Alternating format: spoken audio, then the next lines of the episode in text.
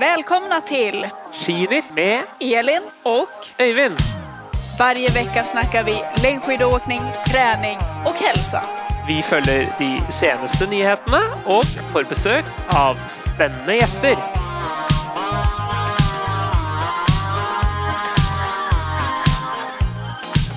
Hallå alla våra skidvänner! Vi vill börja och tacka för all fin respons som vi fick efter premiäravsnittet.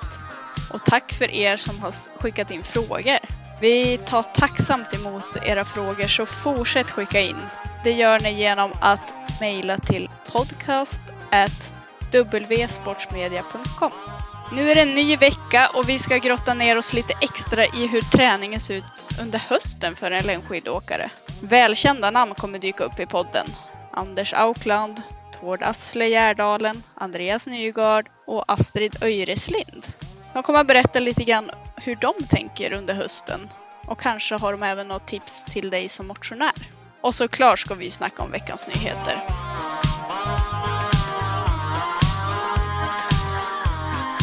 Tjena Øyvind! Tjena, Elin! Woo! Nå er vi i gang igjen. Ja, hur, hur är läget? Jo da, her i Norge, så uh, Oslo, da, så er det regnvær. Det har vært veldig fint i sommer, men nå har det begynt å bli litt høst, da. Så um, det nærmer seg vinter. Det er sånn, det er sånn man må tenke når det, når det regner og begynner å bli kaldere, at uh, nå, nå kommer vinteren nærmere. Har du käkat några stuvade makaroner och stekt falukorv då? Ja, det har jeg faktisk. Det er jo, For de som ikke vet det, så det, var det en rett som vi Når vi, når vi, reiste mye rundt og bodde og lagde mat på, på forskjellige leiligheter nede i Europa når vi var på, på ski eh, på, på Lager 157 sammen, eh, Elin og jeg. Og, og vi norrbaggar, vi er jo Eller nordmenn, vi er eh, dårlige på varm lunsj. Eller i hvert fall mye dårligere enn svenskene. Eh, sånn at eh, vi er jo da ganske eh, Hva skal vi si? Eh, vi er ganske Altså en makka, som dere ville sagt i Sverige, da, eller bare brødskive, det er liksom ofte grei lunsj for oss, mens dere skal ha varm lunsj. Og da lager, jo, lager vi ofte det etter når vi kommer inn fra første økt. Så er det inn og så lage seg en eller annen varmrett. da. Og det har jo dere i Sverige har jo så mange gode retter. eh, Og jeg må innrømme at det er jo veldig godt når man først får denne varmlunsjen, da. Uh, og da var blant annet da, de, min favoritt da, ble etter hvert da stuvad makaroni uh, med pølsebiter. Korv. Så, så her i uka så måtte jeg ringe Elin og så måtte jeg høre hvordan, eh, hvordan var det man lagde den der stuvede stuvade makaronien igjen. Da, da fikk man imponere litt på norrbaggen der i kjøkkenet. Men Ja. Ja, det var bra. Men eh, du da, Elin? Treningen, da? Treningen den har eh, ja, kanskje en medelvecka skulle jeg si. Jeg har kjørt eller ja, enda ganske bra ändå. Men jeg har kjørt ett intervallpass i løpning, har jeg fått til. Og så har jeg kjørt eh, två distanspass. Ett i stakning på rullskidor och ett i löpning. Och så har jag gjort ett styrkepass. Och så har jag, sen var jag i fjällen i helgen så då blev det inte så mycket specifika träningspass men man har ju varit ute och gått och vandrat en del. Det høres ut som du nesten satser fortsatt.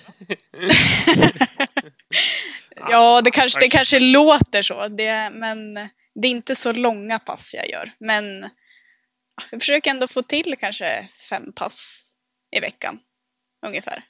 Hur, hur har det varit för dig? Har du fått till någon?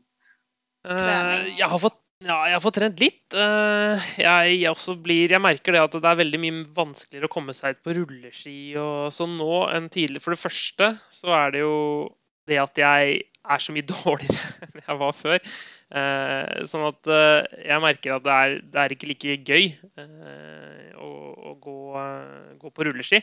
Og så for det andre så tar det mye tid. Det er liksom, Du må finne fram utstyr, og du må det ene og det andre. Eh, eh, og så Den tredje tingen er jo det at det koster litt mer for hodet. fordi Hvis du har jobbet en hel dag og er litt sliten, så er det veldig deilig å løpe ut i skogen uten biler. uten, Du kan liksom tenke mindre, mens når du går på rulleski, så må du liksom ha litt fokus. da. Det er biler og andre altså trafikk og det er fotgjenger og alt mulig. Så jeg liker å løpe. Så det har blitt mye løping. Eh, 45 minutter til én time løp. Og så i helgen så var eh, min samboer borte, så da hadde jeg Magnus alene eh, på fredag og lørdag. Med, med litt hjelp av besteforeldre, riktignok, men eh, det er jo også krevende. Altså. Men vi fikk oss en fin intervall eh, sammen. Eh, ganger, fem ganger fire minutter oppover til Grefsenkollen. Eh, så da var Magnus, eh, Magnus, med i vogn, og så løp jeg. Så det, det anbefales faktisk. Intervaller med løpevogn. Det, det er tungt og god trening. Ja, det känns som att det kan inte vara jättelätt. Alltså jag tänker när man inte kan, alltså du kan ju inte röra armarna på samma sätt. Du kan inte använda armpendeln nej, det kan, i löpningen. Nej. Det måste vara lite jobbigt kan jag tänka mig. Ja, det er litt, det är lite jobbigt, men man, man, tenker ikke over, man vänjer seg fort til det. Så på tredje-fjerde draget så tenker man ikke over at man ikke kan bruka bruke armene lenger. Men den veckan som du har haft nu då, skulle du säga att det är så det ser ut rent träningsmässigt för dig? För vi har ju faktiskt fått in lite frågor här och då är, undrar man hur mycket vi tränar nu och liksom hur, hur ser träningen ut, vilken typ vi kör. Är det det du nyss har sagt, är det lite en standardvecka hur ja, det ser ut för deg dig nu? Ja, fem, trener fire til seks ganger. Uh, kanskje én tur som blir oppimot to timer. Uh, og så resten er sånn mellom 45 minutter og 1 time og 15 minutter. Uh, og så kanskje én ja, rulleskitur eller én sykkeltur i uka, og så resten løping. Det er vel en sånn vanlig uh, uke for meg. Ikke noe styrke, ikke noe ja, Og én til to intervaller. Ja, men det er, litt, ja, det er litt like for meg. Altså, jeg skulle nå si at det er i snitt fem dager i, uka som jeg jag tränar och det har blivit väldigt mycket löpning för mig också. Och det tror jag också ligger lite i det du sa, att det är så skönt att liksom bara komma ut i skogen, alltså komma ut i naturen på det sättet som man kanske inte gör på rullskidor på samma sätt. Eh, och så tycker jag, alltså jag tycker det är kul också att springa. Eh, och när man gör det mer så blir man ju också bättre på det. Eh, rullskidor känns det kanske mer som att man när man inte gör det lika ofta så blir man nästan, då blir man ju lite sämre kanske. Och då har man, alltså förstår du vad jag menar? Alltså att rull, löpning då känns det ju mer som att jag blir bättre medan rullskidor känns ju mer som att jag jämför mig mot när jag var aktiv. Ja, ja, akkurat det samme som jeg føler då. Eh, men sen försöker jag också göra styrka försöker jag få in regelbundet också. Och det är också för att jag, jag, jag tycker att det är kul, faktisk, å gjøre styrketrening. Jeg syns styrke er skikkelig kjedelig, så jeg prøver å gjøre minst mulig av det. Men jeg burde, det er veldig smart. Jeg tror jeg anbefaler alle som både skal gå skirenn og også sånn for, med helse, tanke på helse senere i livet, så tror jeg det er veldig lurt å prøve å ha litt styrke. Så jeg må, jeg må komme i gang med det. Dere får høre med meg neste uke. Kanskje jeg har fått inn en styrkeøkt da. Men har du noe standardpass, da? Altså, om du skal ut og springe intervaller, har du noe favoritt? At det det Ja, nå, nå, har det jo vært sånn i sommer at vi har hatt, fått en sånn fast intervall på lørdager. Alltid lørdager intervaller opp til Grefsenkollen. Og da kjører, har vi alltid kjørt fem ganger fire minutter. Så fem ganger fire minutter, to minutter pause, løp med vogn. Det er eh, standardpasset mitt og vært det nå de siste ukene eller månedene. Så det er en veldig fin økt. Det er 20 minutter, lagomt langt, eh, du får pustet bra. Og ja. Det det passer fint med hvor lenge Magnus gidder å sitte i vogn. For hvis jeg løper veldig mye lenger enn det, så blir han, eh, blir han lei. Og da må pappa stoppe også. Nå, under ukene når du jobber, når på dygnet bruker du trene? Er du en sånn som er eh. ute innan jobbet, eller er du efter jobbet? Nei, jeg pleier å jobbe midt i. Ja, ja, til lunsj midt i. Ja. Jeg ofte, da har jeg liksom fått i gang ting, satt i gang ting, og så ofte ja, nå er det litt roligere, så kan jeg dra ut. Og så er jeg så heldig at jeg har skiergen altså én meter fra kontorpulten. Så det har jeg faktisk glemt å si. Jeg har hatt et par økter på skiergen også. Så det det, og det er mest fordi det er så veldig lettvint. Det bare Det tar meg så kort tid da, å komme, komme fra kontoret til, til skiergen. Så, så, det er en fin, uh, fin greie da, som jeg greit å fortsatt ha noen fordeler med at man har satset. Da står, står skiergen der ved siden av fortsatt. Og den er svår å unnvike. ja, så får jeg, så får jeg, så, så får jeg høre, med, høre med min samboer hvor lenge jeg får lov til å ha den der, da, når jeg ikke satser lenger. Men du kan jo gjøre veldig effektive pass på skiergen. Altså, du behøver ikke så lang tid for å få til et bra og jobbet pass. Men da skal vi bevege oss videre her. Og Elin, jeg, vi har jo snakket om dette med norske og svenske ord. Du, vi snakket om et ord her etter sending forrige episode som du hadde litt trøbbel med, som vi tenkte at vi skulle nevne her. Ja, exakt. Vi prater jo om rullskidor eh, og tävlingsrullskidor Og du började prate om at de, de triller snabbt. Eller visst sa du så? Ja. Triller fort. Triller fort, ja. Ja. Trille, trille, for oss, da låter det jo mer som at man ramler. Nei, det er jo rull, ruller, da. Det er jo det, det rulle, rullemotstand. Ja. Uh, rullemotstand uh, er jo det svenske ordet på det, da. Så, men, det er, I Norge så kan man si rulle eller trille, men trille godt, det er da altså at de er lett, lettåk, da. Ja, precis. Så om de triller godt, da vet ni at da ruller det fort. Skal vi kanskje gå inn eh, på hva som har hendt i veckan?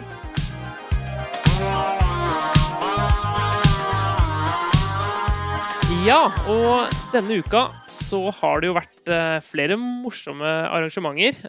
Og i Norge i hvert fall så har jo den største begivenheten vært Ragde Charge opp Tryvann. Det er da, for de som er kjent i Oslo, så er det den høyeste toppen, eller åsen, eh, ovenfor Oslo. Den heter Tryvann. Tryvannshøgda. Og på toppen av den, eh, av den, åsen så er det et tårn som heter Tryvannstårnet. Og eh, det var opp dit eh, løperne skulle gå da på torsdag. Eh, det var da langløpslaget Team Ragde Charge som arrangerte rennet.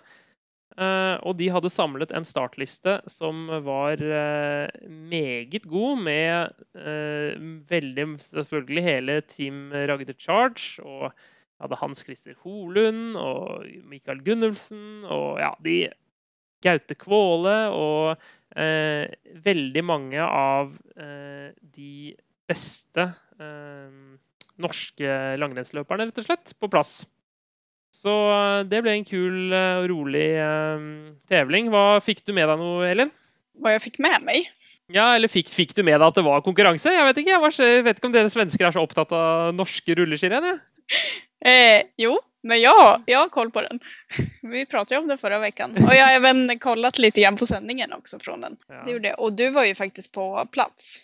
Ja. Jeg var jo bare 15 minutter fra her jeg bor, så jeg måtte jo komme meg til start. og det var jo, Eller komme meg på plass. Men det var jo en litt morsom historie, fordi jeg eh, som, som, reporter ny, jeg er jo litt urutinert. Eh, og jeg har jo som, som skiløper så er man ikke så vant til rushtrafikk.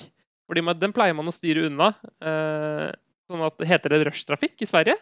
Skjønner du hva jeg mener da? Eh, sa du altså ru, biler. Ja, rustrafikk. Rusningstrafikk. Ja. Rus, ja, sånn når, man, når det er på klokka åtte og klokka fire, så er det mange som skal til og fra jobb. Og da, eh, Dette her var jo start klokka fem, og jeg bor liksom 15 minutter unna, men det tar jo da tre ganger så lang tid når det er rushtrafikk. Det jeg hadde tenkt å være på starten og liksom gjøre litt intervjuer og sånne ting, eh, men det gikk jo nesten skeis. Eh, så jeg ble Vi ble stående i kø og kø og kø, og så hadde jeg, hadde jeg med meg sparkesykkel, faktisk. Fordi jeg tenkte kanskje jeg kunne bruke den til å følge løperne. og så begynte jeg, ta, begynte jeg på, tenkte at nå kanskje jeg kan komme fortere fram hvis jeg bruker sparkesykkelen. Men så punkterte jeg på den sparkesykkelen. Nei, nei. på vei. Så jeg måtte, Vi var heldigvis to i bilen. Da, så jeg fikk, jeg fikk um, Han kom bakfra og tok meg igjen da når jeg sto der med, med punktert uh, sparkesykkeldekk. Så da jeg, men så rakk jeg starten med fem minutter, da, så vi fikk i hvert fall med oss noe fra starten. da. det hadde man jo villet sett. det der. Nei, men det var en skikkelig morsom eh, konkurranse. Det var, eh, det var eh, mye gode prestasjoner, syns jeg. Har du fått med deg hvem som vant, Elin? Mm. Thomas heter han. Ja. jeg har ikke så stor koll på han, må jeg si. Og det er kanskje ikke så mange svensker som har. Jeg vet ikke. Ja, Han heter Thomas Helland Larsen. Han, er, han går for et privatlag som heter Team Nordkonsult. Han er veldig god uh, løper, men jeg tror mange, det var ikke mange som snakket om han før starten på, på løpet. Han, uh, han hadde blant annet uh, Han har vært nummer to i prologen i sprinten i Ulrissehamn i vinter. I worldcupen der. Så han er veldig Ja, så han har, kan gå på ski. men han har liksom ikke vært den Har, har stoppet i kvartfinalene da, i verdenscupen. Og Eh, men en veldig god løper og vært liksom blant de nest beste. Men han er bare 23 år, så tydeligvis tatt et steg i sommer. Så til vinteren, hvem vet? Jeg snakket med han etter målgang, og da sa han at uh, han, håper, han satset og prøvde å, prøve å komme på OL-laget. Så hvis han skal klare det, så er det, er det der lista ligger. Fordi mm, Ja, nei, det var, men det var ekstremt imponerende, den måten han vant på. Han, eh, det var en gjeng på en fem-seks stykker til det var igjen eh, ca. en kilometer. Og til det som heter Frognerseteren. Eh, det er et kjent sted på femmila snur på, på vinteren. Femmilsløypa går rett ved denne veien som de gikk på i dag.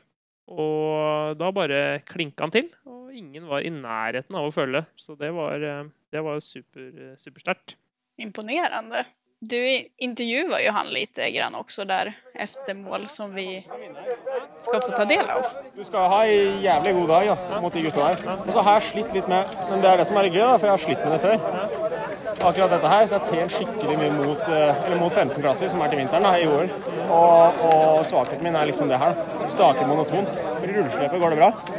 Så jeg har mye på det. Så jeg har lært litt av Mikael og sånn. Så har åpenbart kommet bra ut av høydeoppholdet. Jeg har det, og det var jævlig viktig. Ja, hvor lenge? Vi gikk testtrener ned og sånn, så målet var liksom å Jeg så du vant om et sekund der. Ja, og det var liksom tegn på at kroppen eh, hadde klart seg gjennom oppholdet. da. Eh, noe annet på herresiden som du reflekterer over? Nei, altså det var vel ganske forventet. Jeg syns Gaute Kvåle eh, Det er han som vant motbakke eh, rennet i skøyting Lysebotn opp. Eh, under Blinkfestivalen tidligere i sommer. Og han vant også motbakkerennet i mm, toppidrettsveka, eh, opp brekka.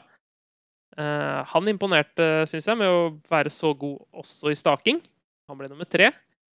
Um, og så uh, syns jeg Karstein Johaug, uh, broren til Therese, uh, imponerer. Han jobber fulltid ved siden av satsingen og ja, skulle vel egentlig legge opp, men så plutselig så fant han ut at eh, Eller så gikk han bedre enn han noen gang har gått før på Beitostølen i fjor.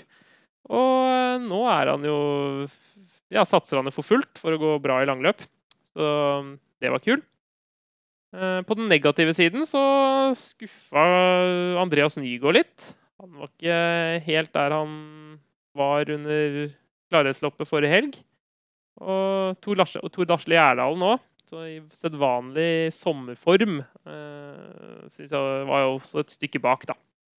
Uh, men uh, nei, det var, det var, morsomt. Det var gøy å se, og det var virkelig Du så på gutta at det, det betydde mye, dette her. Og det er ikke ofte man får et sånn startfelt sammen på sommeren, altså. Nei, precis. Og åker nummerlappen på, det er klart som tusen man vil. Man feller ut hornen liksom og vil vise at man er stark. Och damsiden, da?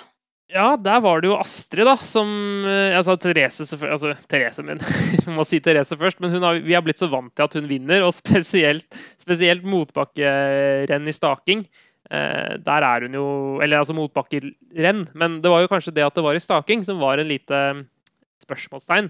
Men det viste hun jo at eh, ikke, vi ikke trengte å bekymre oss for, uh, for det. Så um, jeg syns hun imponerte, og jeg syns måten hun går på også er veldig sterk. Altså, det er, hun har klart å i løpet av de siste årene å ikke bli like Duracell-kanin. Vi pleier å kalle henne Duracell-kanin eh, i Norge, fordi hun, i hvert fall tidligere, fordi hun gikk så hadde så veldig høy frekvens, høy takt. Det var mye Det så ut som at mye krefter forsvant ut i løse luften.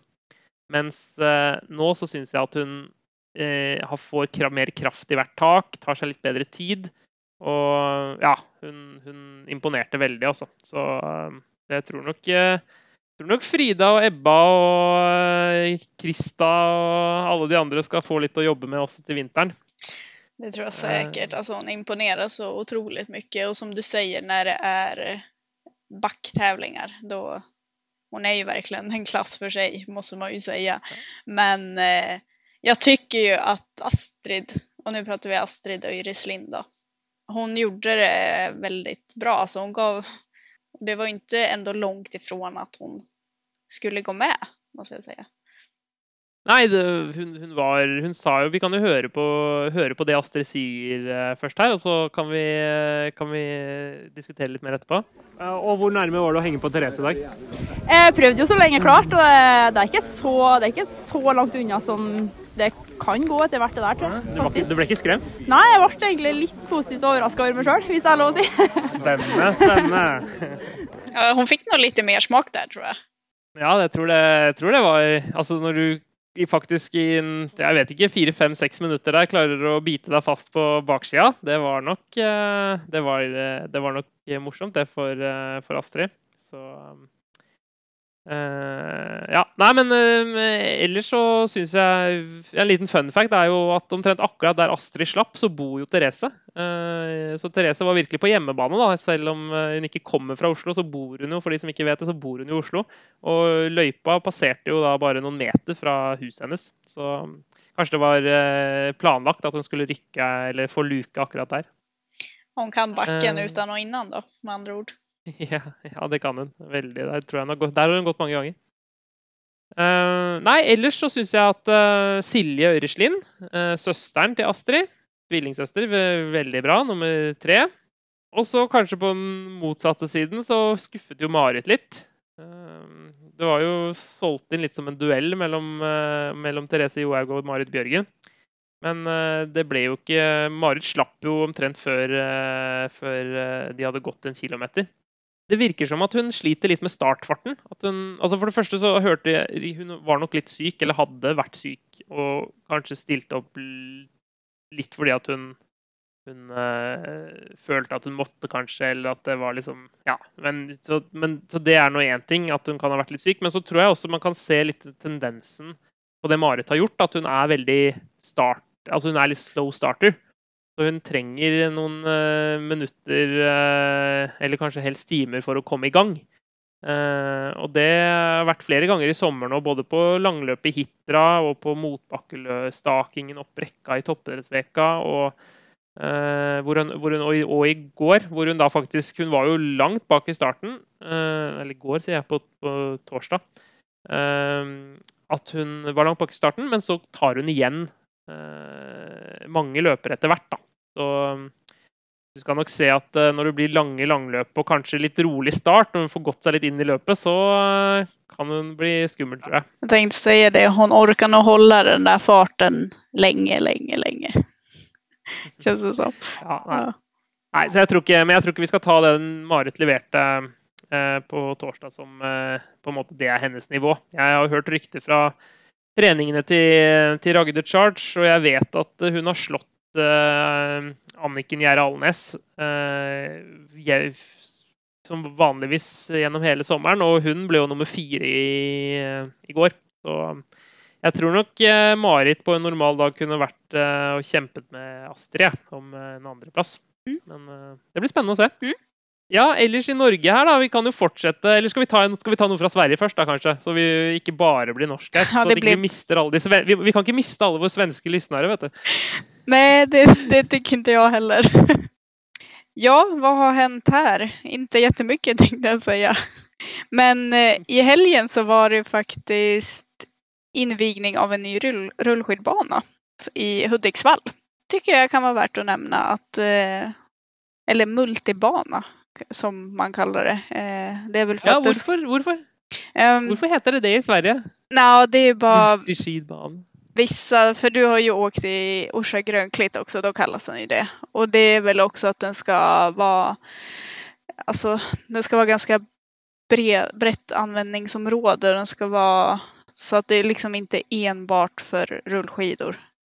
Det dyker upp lite sådana här både rullskidbanor eller multibanor överallt. Så nu har vi ju en till i Hudiksvall då. Uh, tilbake til Norge, da, så er det jo uh, Har vi en liten sak gående på Northug. Og, og uh, altså Northug blir man jo aldri lei av. Vi snakket jo mye om han forrige helg, og vi må ha en liten Northug-spalte her også.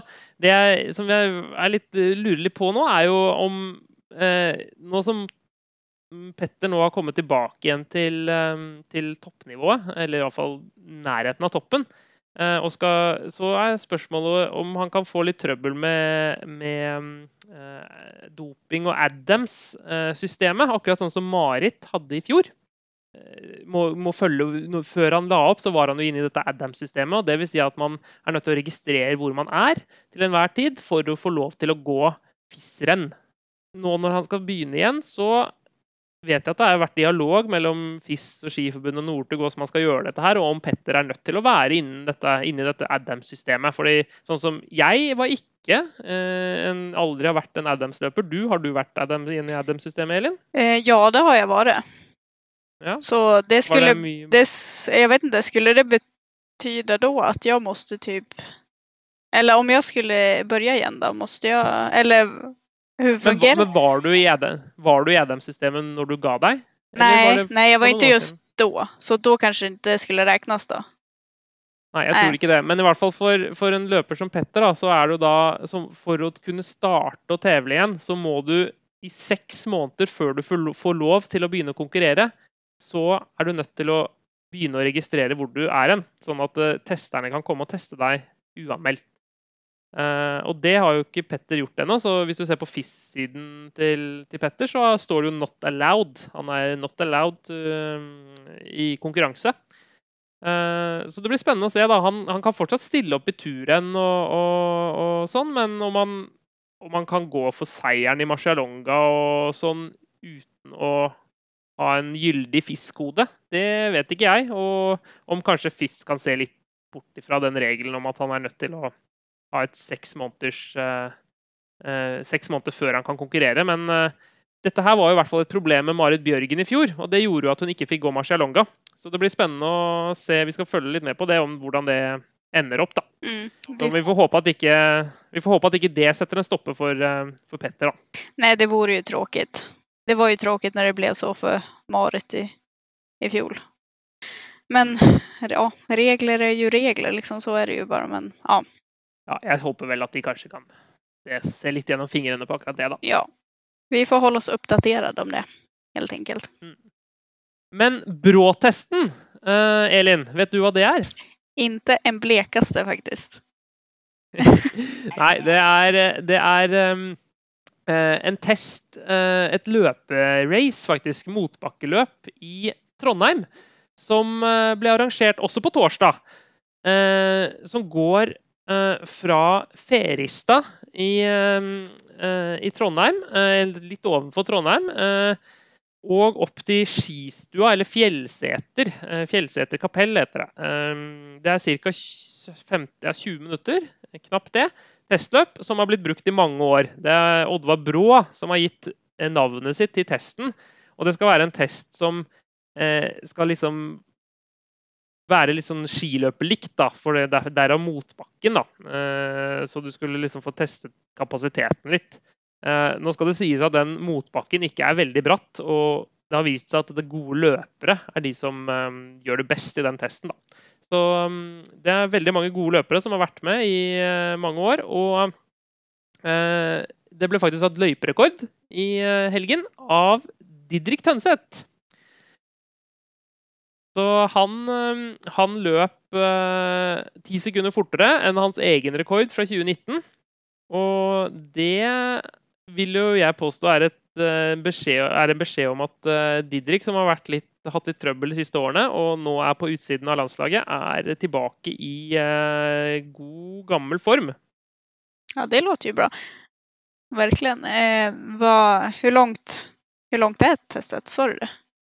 Det er vel Nei, det sa jeg ikke. Jeg tror det er rundt seks kilometer. Kan det seks ganger tre Ja, nei, det er ikke så langt. Fire og en halv. Fem kilometer, tenker jeg. Jeg har vært med på det et par ganger selv. Jeg tenkte, Jeg husker du lærer jo å sprunge, det tenkte jeg. Ja, ja, ja, det har jeg. Jeg husker faktisk ikke tiden min i farten. Jeg lurer på om jeg løp rundt 2020, og Didrik løp på 17.36. Jeg tror han er to over to, ja, to, to og et halvt minutt foran meg. Mm. Litt, litt, litt til. Så han er eh, Didrik er ekstremt god, på, god til å løpe, da. Så det er jo ikke noe overraskelse. Han, eh, han var jo med på EM i terrengløp, faktisk, eh, for et par år siden.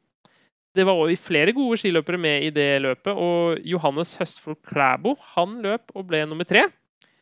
Men han var to minutter bak Didrik, da. Så det høres jo kanskje mye ut. Men, eh, men eh, Klæbo han løp faktisk ganske bra. Han er ikke den samme løperen som eh, Didrik. Og mm, jeg gikk jo litt tilbake i historieboka her og gravde litt, og da fant jeg jo at Didrik, han, nei, Johannes, han løp eh, bråtesten på 2042 i 2018. Og så løp han på 1914 i 2019.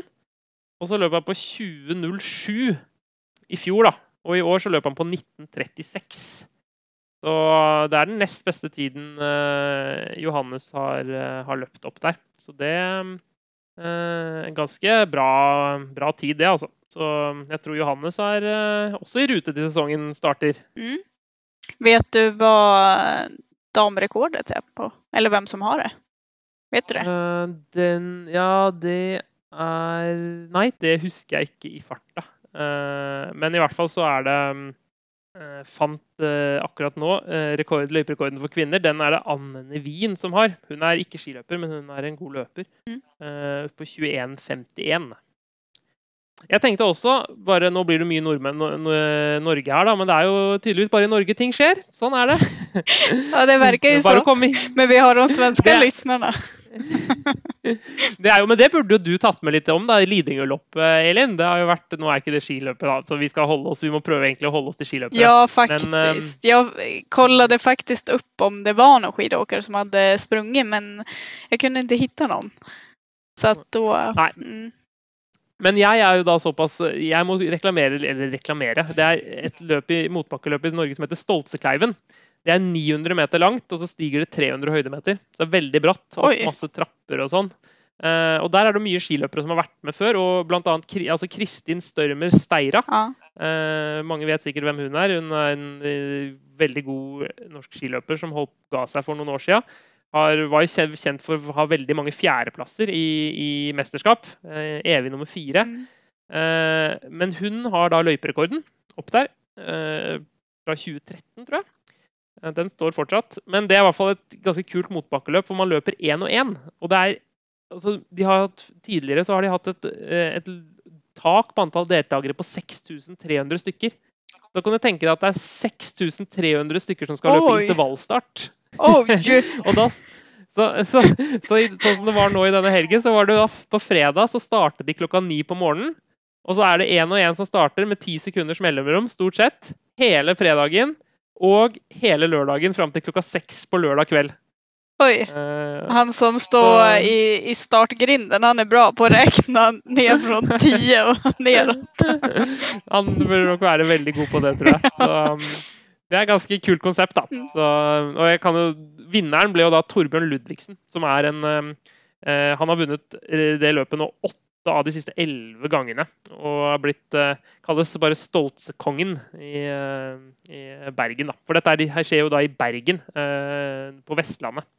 Nei, men det, da skal jeg gi meg. Det, det, var det som Ja, skjedde i Norge. Ja, nå får du ikke si om det har hendt noe mer i Norge. For nå syns jeg at vi kanskje burde gå videre til veckans ämne.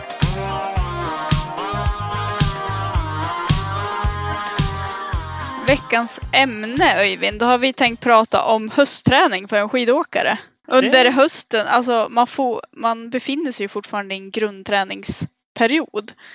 Eh, Men det vi har tänkt prata om skiljer någonting från träningen under sommaren. Då tänker jag från maj till augusti och sen när man går in i hösten som blir egentligen från september och ja, till säsongstart, till november. Jeg tenkte på det når, du, når vi, vi snakket om dette her, eller når jeg, jeg prøver å tenke tilbake når jeg var altså Akkurat nå så tenker jeg ikke så mye på, på det i det hele tatt. Men jeg, når, jeg var, når jeg var satsende, så, så hadde jeg ikke så veldig klart sånn fokus at det var noe spesiell endring fra august til september. Eh, det er mer sånn at jeg tenkte at det var liksom gradvis eh, mer. At det liksom, ok, i mai-juni så er det mindre intervaller og sånn. Og så gradvis så skifter det mot mot sesong, da. eh, Og, og, og mer intervaller, mindre trening og sånn.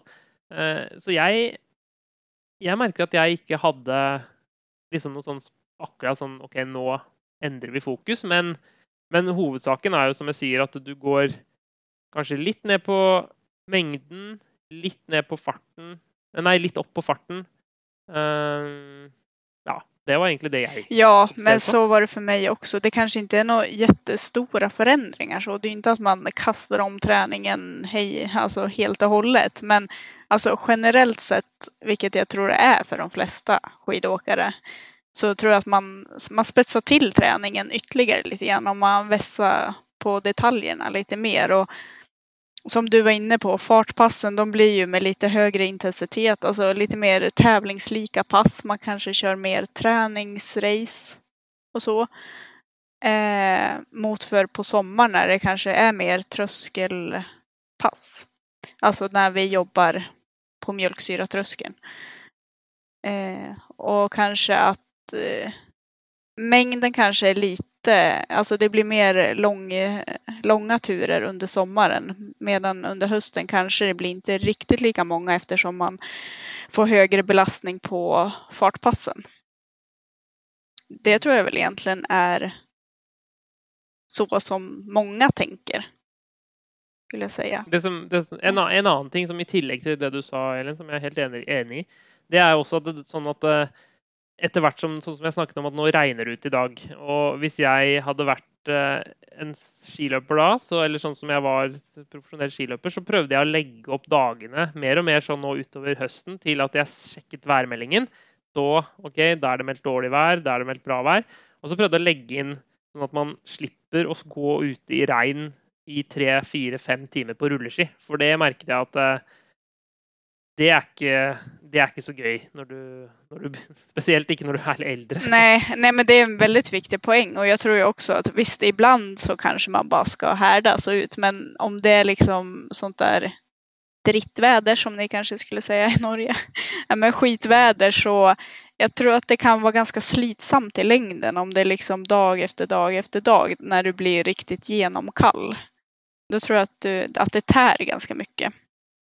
Så det, er, det, er det, er, ekstremt stor forskjell. Både været er veldig stor forskjell. Det, liksom, det kan jo være 20 grader og kjempefint vær. Jeg vet jo Nede i Ulricehamn og Båstad og Malmö og sør i Sverige så jo, kan det jo sikkert være 20-25 grader eh, eh, på denne tiden.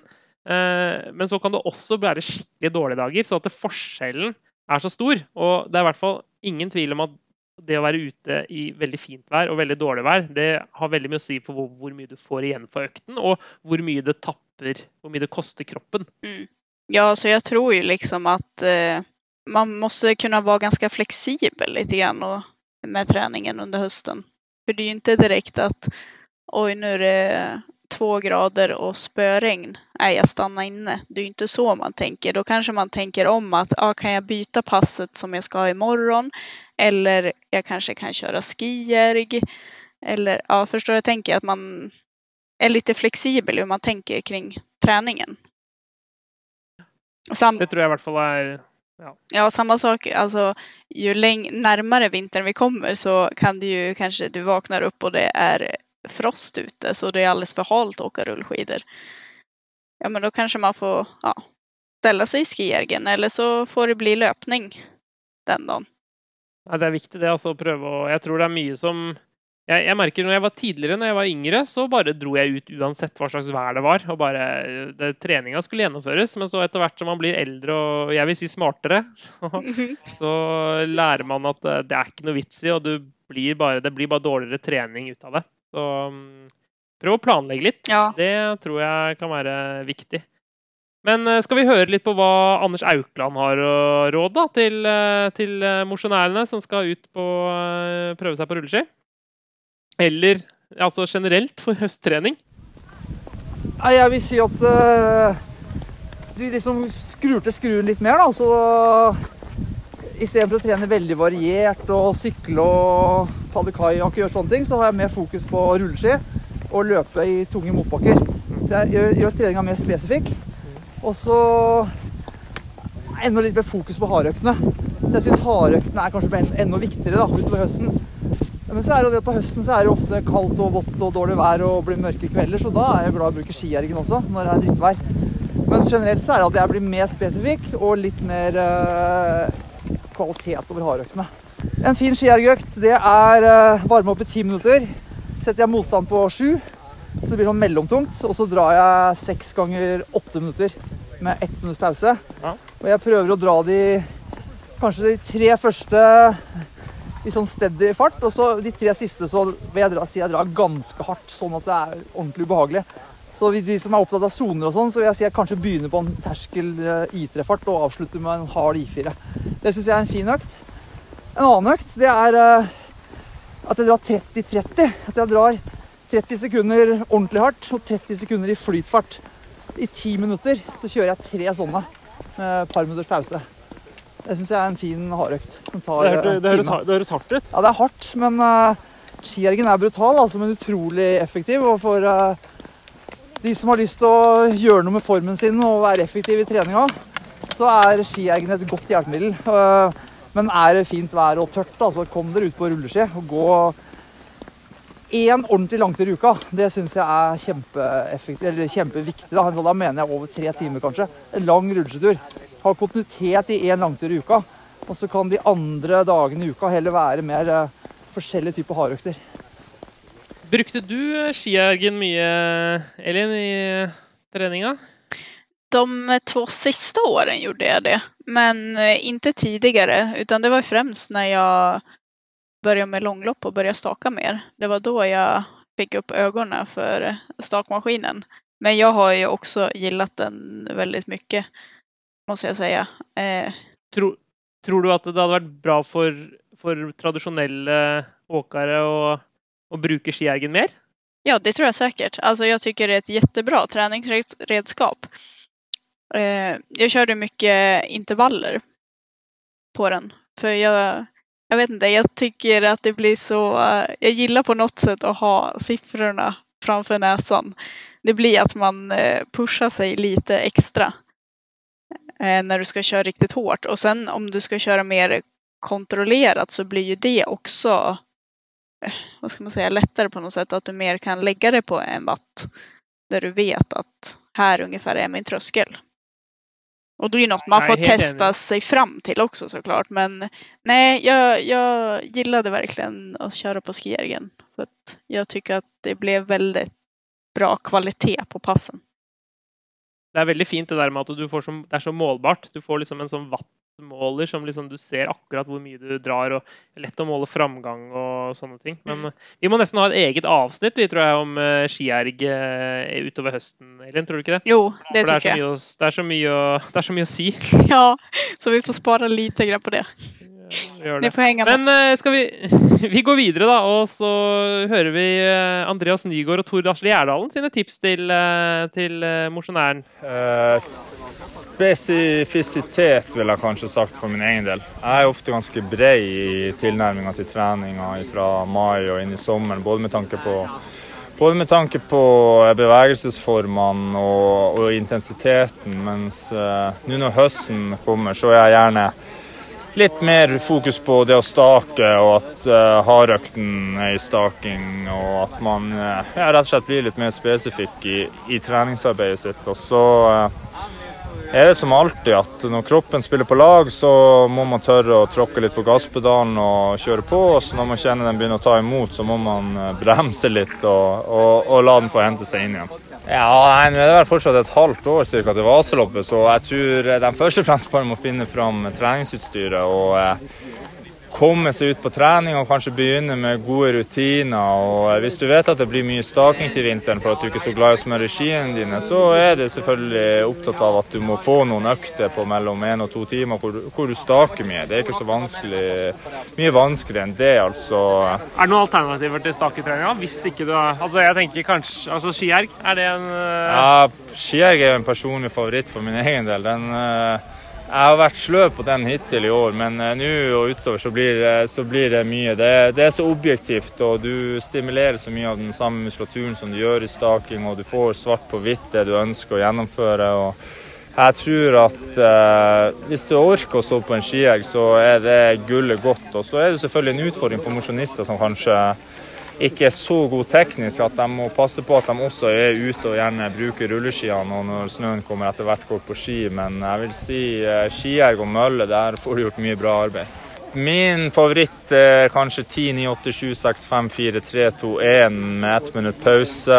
Og så får du to minutt pause etter fem drag. Der hvor målet å gå ett sekund fortere per eh, drag i snitt per 500 meter. Så la oss si at du starter første timinutteren på to minutter per 500 meter i fart, og så jobber du deg ned til 1,59, 1,58, 1,57, og så til siste minuttet til slutt, da går det alt du har, og ser hvor fort du klarer å dra.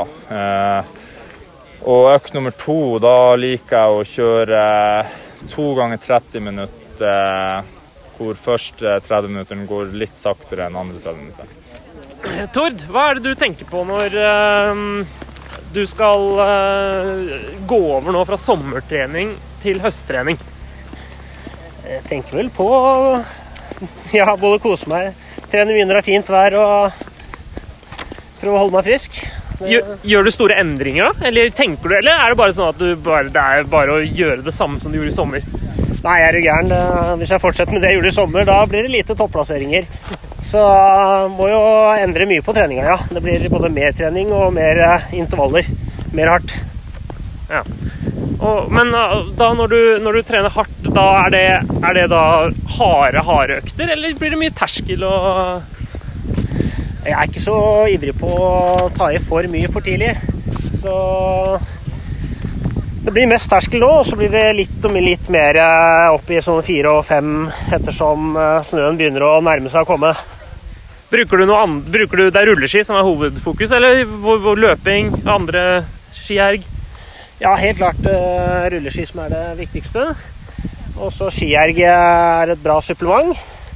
Og så løping, da, når det må til. Og det beste rådet du har til mosjonisten? Til mosjonister? Ja, kom dere ut, tren med andre, ha det gøy.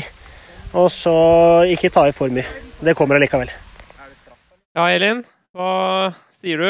Det er, Andreas liker skiergen. Ja, han liker jo også den. Og der tenkte jeg på et norskt ord også, som han sa. Vi sa han mølle. Ja. Det sier man så? Ja. Det er altså løpband. Visst er det det? Visst sa jeg rett? Løpemølle. Ja. Jo, Ja. Tenkte at det kan, korrekt. alla kanske har koll på det.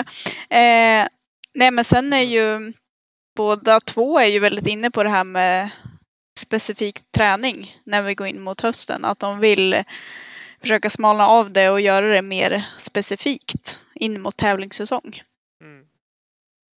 Tord hadde vel også en slags Han, han må begynne å trene, han, så han, eh, han Det er kanskje ikke så mye Både blir både med mer av alt. Mer av allt bara. Ja. Jeg, jeg, jeg kjenner jo Tord godt, vi har trent mye sammen, og jeg vet Ja. at han, eh, han pleier å legge på seg noen kilo og eh, ja, har, eh, er ikke uh, nødvendigvis den mest treningsivrige på sommeren. Og det er ikke bare han gjør fordi at han er slapp, men, eller han er ikke slapp, men han gjør det også fordi at han tror kroppen hans har godt av å, å få en pause. Da. Og det er nok mange som Det er jo litt viktig å huske på også, at man er nødt til å gjøre det i sitt tempo og i sitt eh, på, på, på, på det man har tid til. fordi Hvis ikke man har tid til å trene, trene mer enn tre ganger i uka, og prøver å legge inn fire eller fem økter, så er det ikke sikkert at det eh, gjør deg noe bedre. Da hadde du blitt bedre av å trene tre økter og heller eh, fått hvilt mer eller eh, fått tid til andre ting. Så det, eh, det er eh, et godt poeng, det, tror jeg. Ja, for er det ikke ganske vanlig også ganske vanlig kanske jeg ikke skal säga, men ändå att eh, om du har en väldigt bra sommar och du kjøper på och allt går bra, då är det ganska vanligt att det nästan kan tippa över framåt hösten, när man egentligen kanske vill börja känna sig ännu starkare. Så det är också någonting viktigt att ha med sig. Eh, att man steg, att man stegrar träningen. Vi vill ju vara som bäst när säsongen börjar eller om under säsongen när du nu prioriterar att du vill vara som bäst.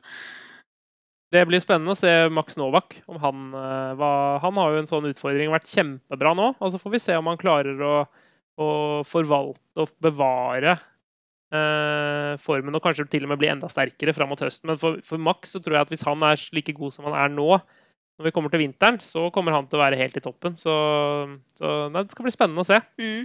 For det er jo faktisk en liten utmaning at når man har, man har tränat en hel sommar och så går du in i hösten när det kanske blir lite vad ska man säga, lite träligare med väder och kyla och regn och rusk. Og och det är då du vill liksom skruva upp träningen. Det är då vi vill spetsa till formen.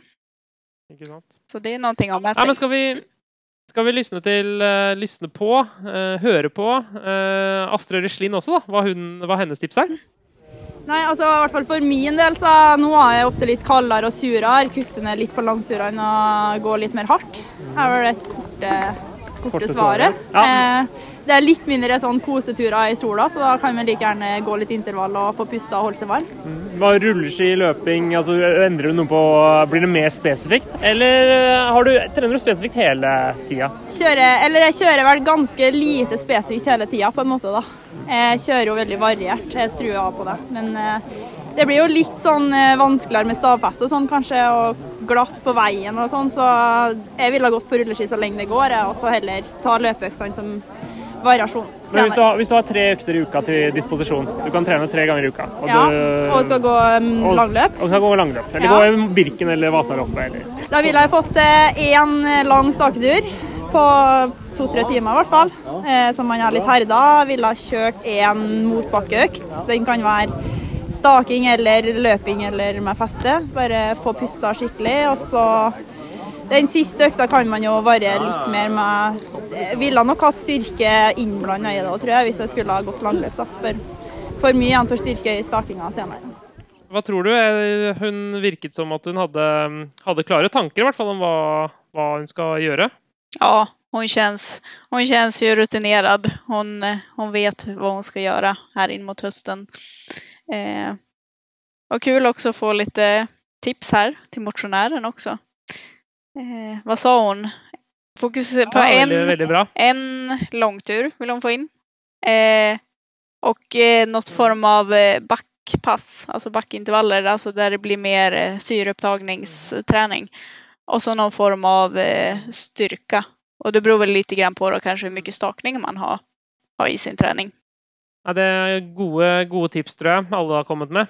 Men så, jeg, som dere hører, hører sikkert, så er jeg jo oppe på Tryvann her og gjør disse intervjuene etter at de har staket seg opp til, eh, opp til Tryvann fra Sørkedalen da, eh, på torsdag. Og, og så fikk jeg også eh, tak i eh, siste løper her som jeg synes som er kanskje litt interessant.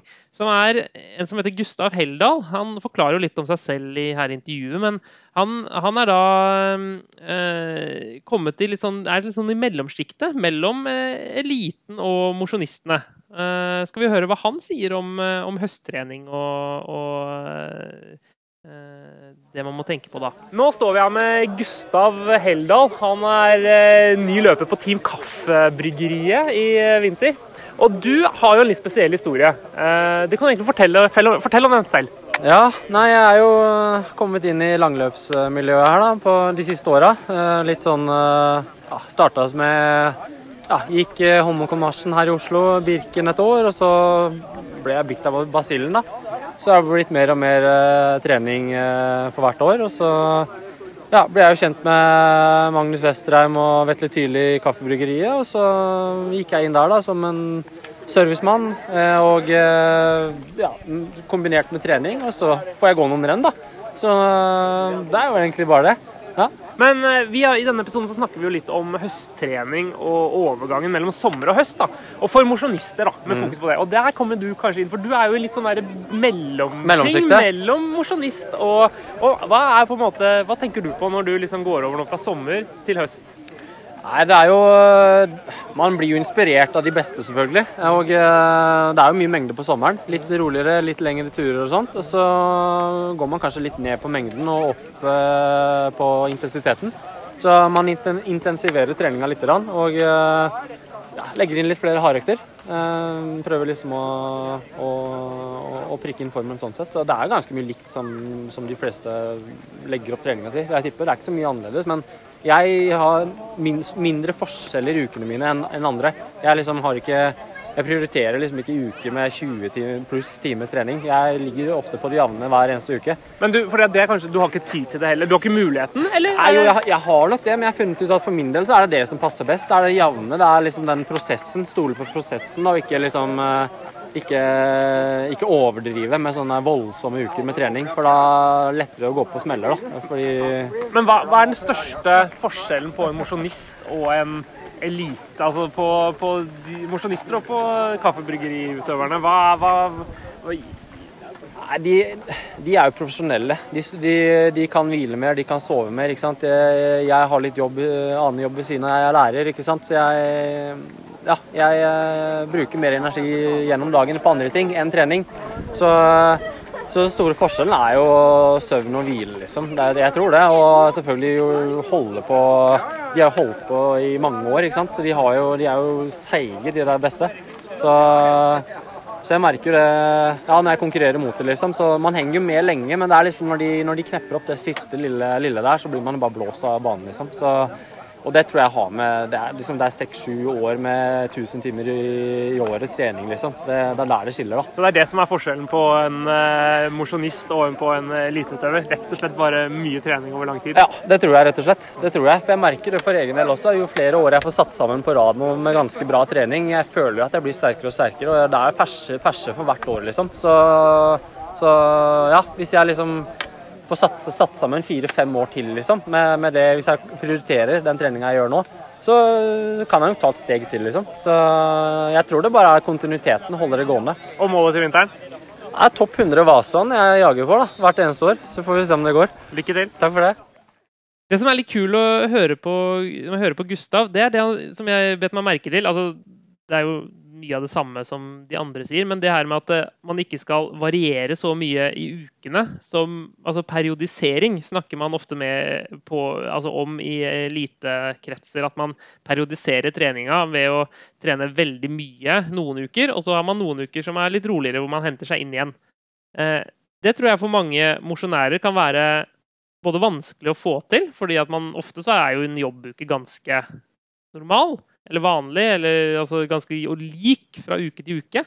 Eh, og at eh, Sånn som han sier her, at du, du kan bare det, det, Du holder å gjøre det samme uke inn og uke ut. Finn deg rutiner. Gjør ting som du på en måte Hvis du vet at på tirsdag, torsdag, lørdag så skal du gjøre det samme hver gang, og du på en måte finner økter du liker, så kan det være en fordel. da, Og gjøre det lettere å komme ut.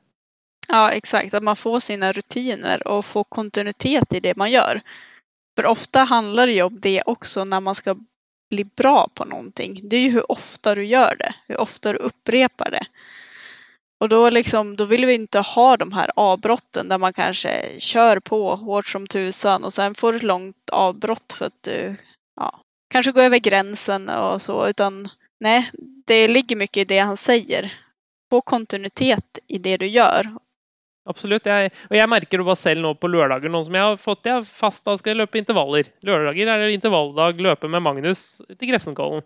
Og da er det også veldig mye lettere å gjennomføre, for du slipper å tenke. Du slipper å på en måte Den dørstokkmila blir Skal jeg gå på rulleski? Skal jeg, hvor langt skal jeg gå? Hva skal jeg gjøre? Altså på en måte Da er det satt fast. Du er på en måte Det, det er ganske eh, i hvert fall jeg er glad i rutiner, og det tror jeg veldig mange er. Vi lager oss jo rutiner på, på mye, og det er eh, det er mye lettere når man har, eh, har gode rutiner på ting.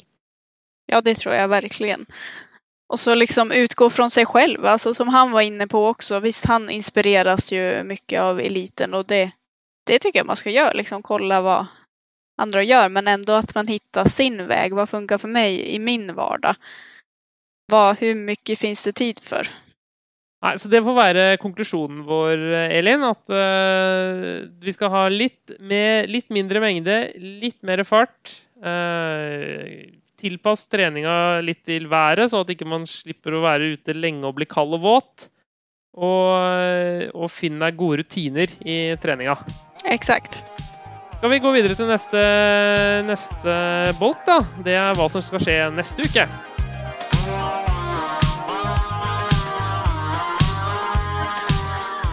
Ja, hva skjer neste uke? Det er vel i Norge det hender, va?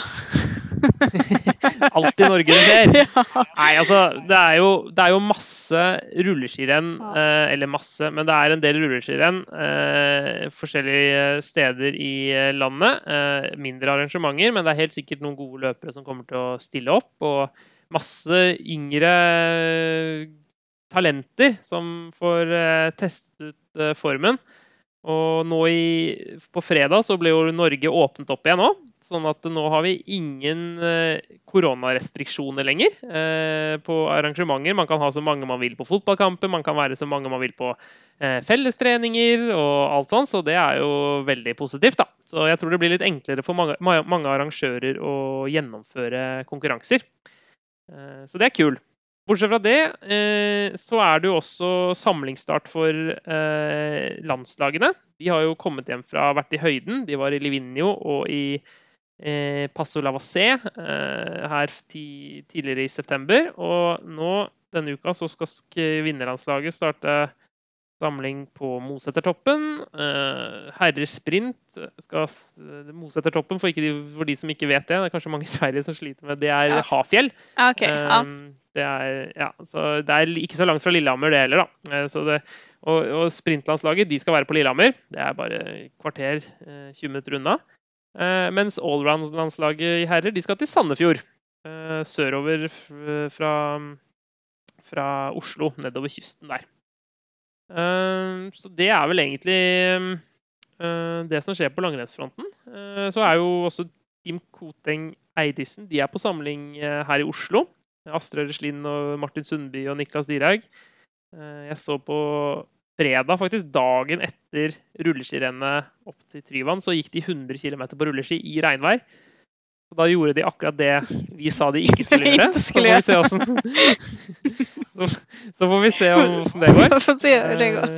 Eh, og så er det helt sikkert andre som også har uh, samling som ikke jeg har uh, helt koll på. Men Ja, på svenska sidan så har de precis kommet kommit hem fra läger. De har jo også vært på høy høyd i Frankrike, men de har precis kommet hem. Men annars, rullskidlopp, ja, egentlig skulle det vara Bessemerrullen. Jeg vet ikke om du har talas om den, men det jo, bruker brukar vara ett lite större rullskidlopp. jeg har hørt om det. Ja, og det bruker jo også være sidningsgrundat, men jag har läst det här att det tyvärr är inställt. På grund av att Sidnings... Ja, sidningsgrundat för Vasaloppet. Vad sa jag? Sidnings... Jo, du sa sidningsgrundat, Ja. men før Vasaloppet. Ja. For det er, det er sånn de er veldig opptatt av i Sverige, det her med, med Altså, man skal det, det har vært en stor debatt også med rulleskihjul og dette her, og det er jo, synes jeg er litt kul at du kan komme med dine egne hjul og få sidet deg fram til første ledd i Vasaloppet ved å gjøre det veldig bra. Så Det er jo det er litt sånn spesielt som vi ikke har begynt med i Norge ennå. At vi kan bruke rulleskirenn som sidningsgrunnlag for, eh, for eh, Birken og Vasan. sånn. I hvert fall ikke som jeg er klar over, i hvert fall. ja. Eh, Det är ju lite, ja, att det inte är samma egentligen. Ja, det kan ju vara noe bare... att diskutera framöver. Ja. Absolutt. Ja. Eh, nej, men de hade väl inte godkänt vägtillstånd läste jag. Eh, helt enkelt. Ja. Så, ja. så det blir inget av det.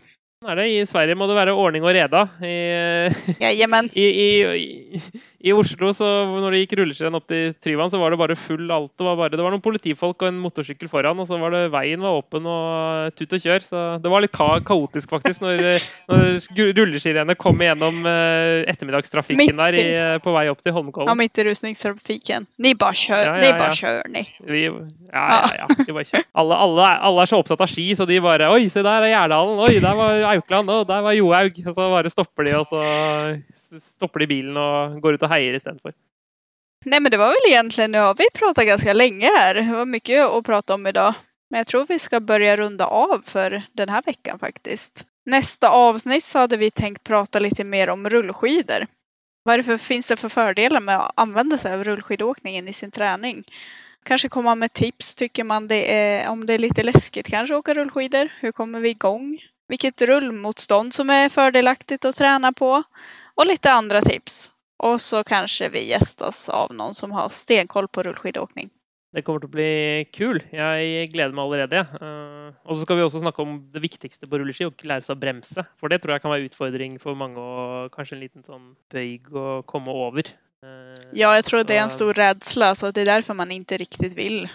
Det är ju typ den ständiga frågan som man får. Men hur bromser man? Ja. Det er kanskje ikke så lett å få det fram via en podkast, men uh, vi skal gjøre så godt vi kan. Exakt. Men följ med nästa vecka och som sagt ställ gärna frågor till oss och det skickar ni till podcast at www.sportsmedia.com. Mata oss med idéer och frågor. Då, Da sier vi takk, da. Takk og hei. tack och hej. Vi ses nästa vecka.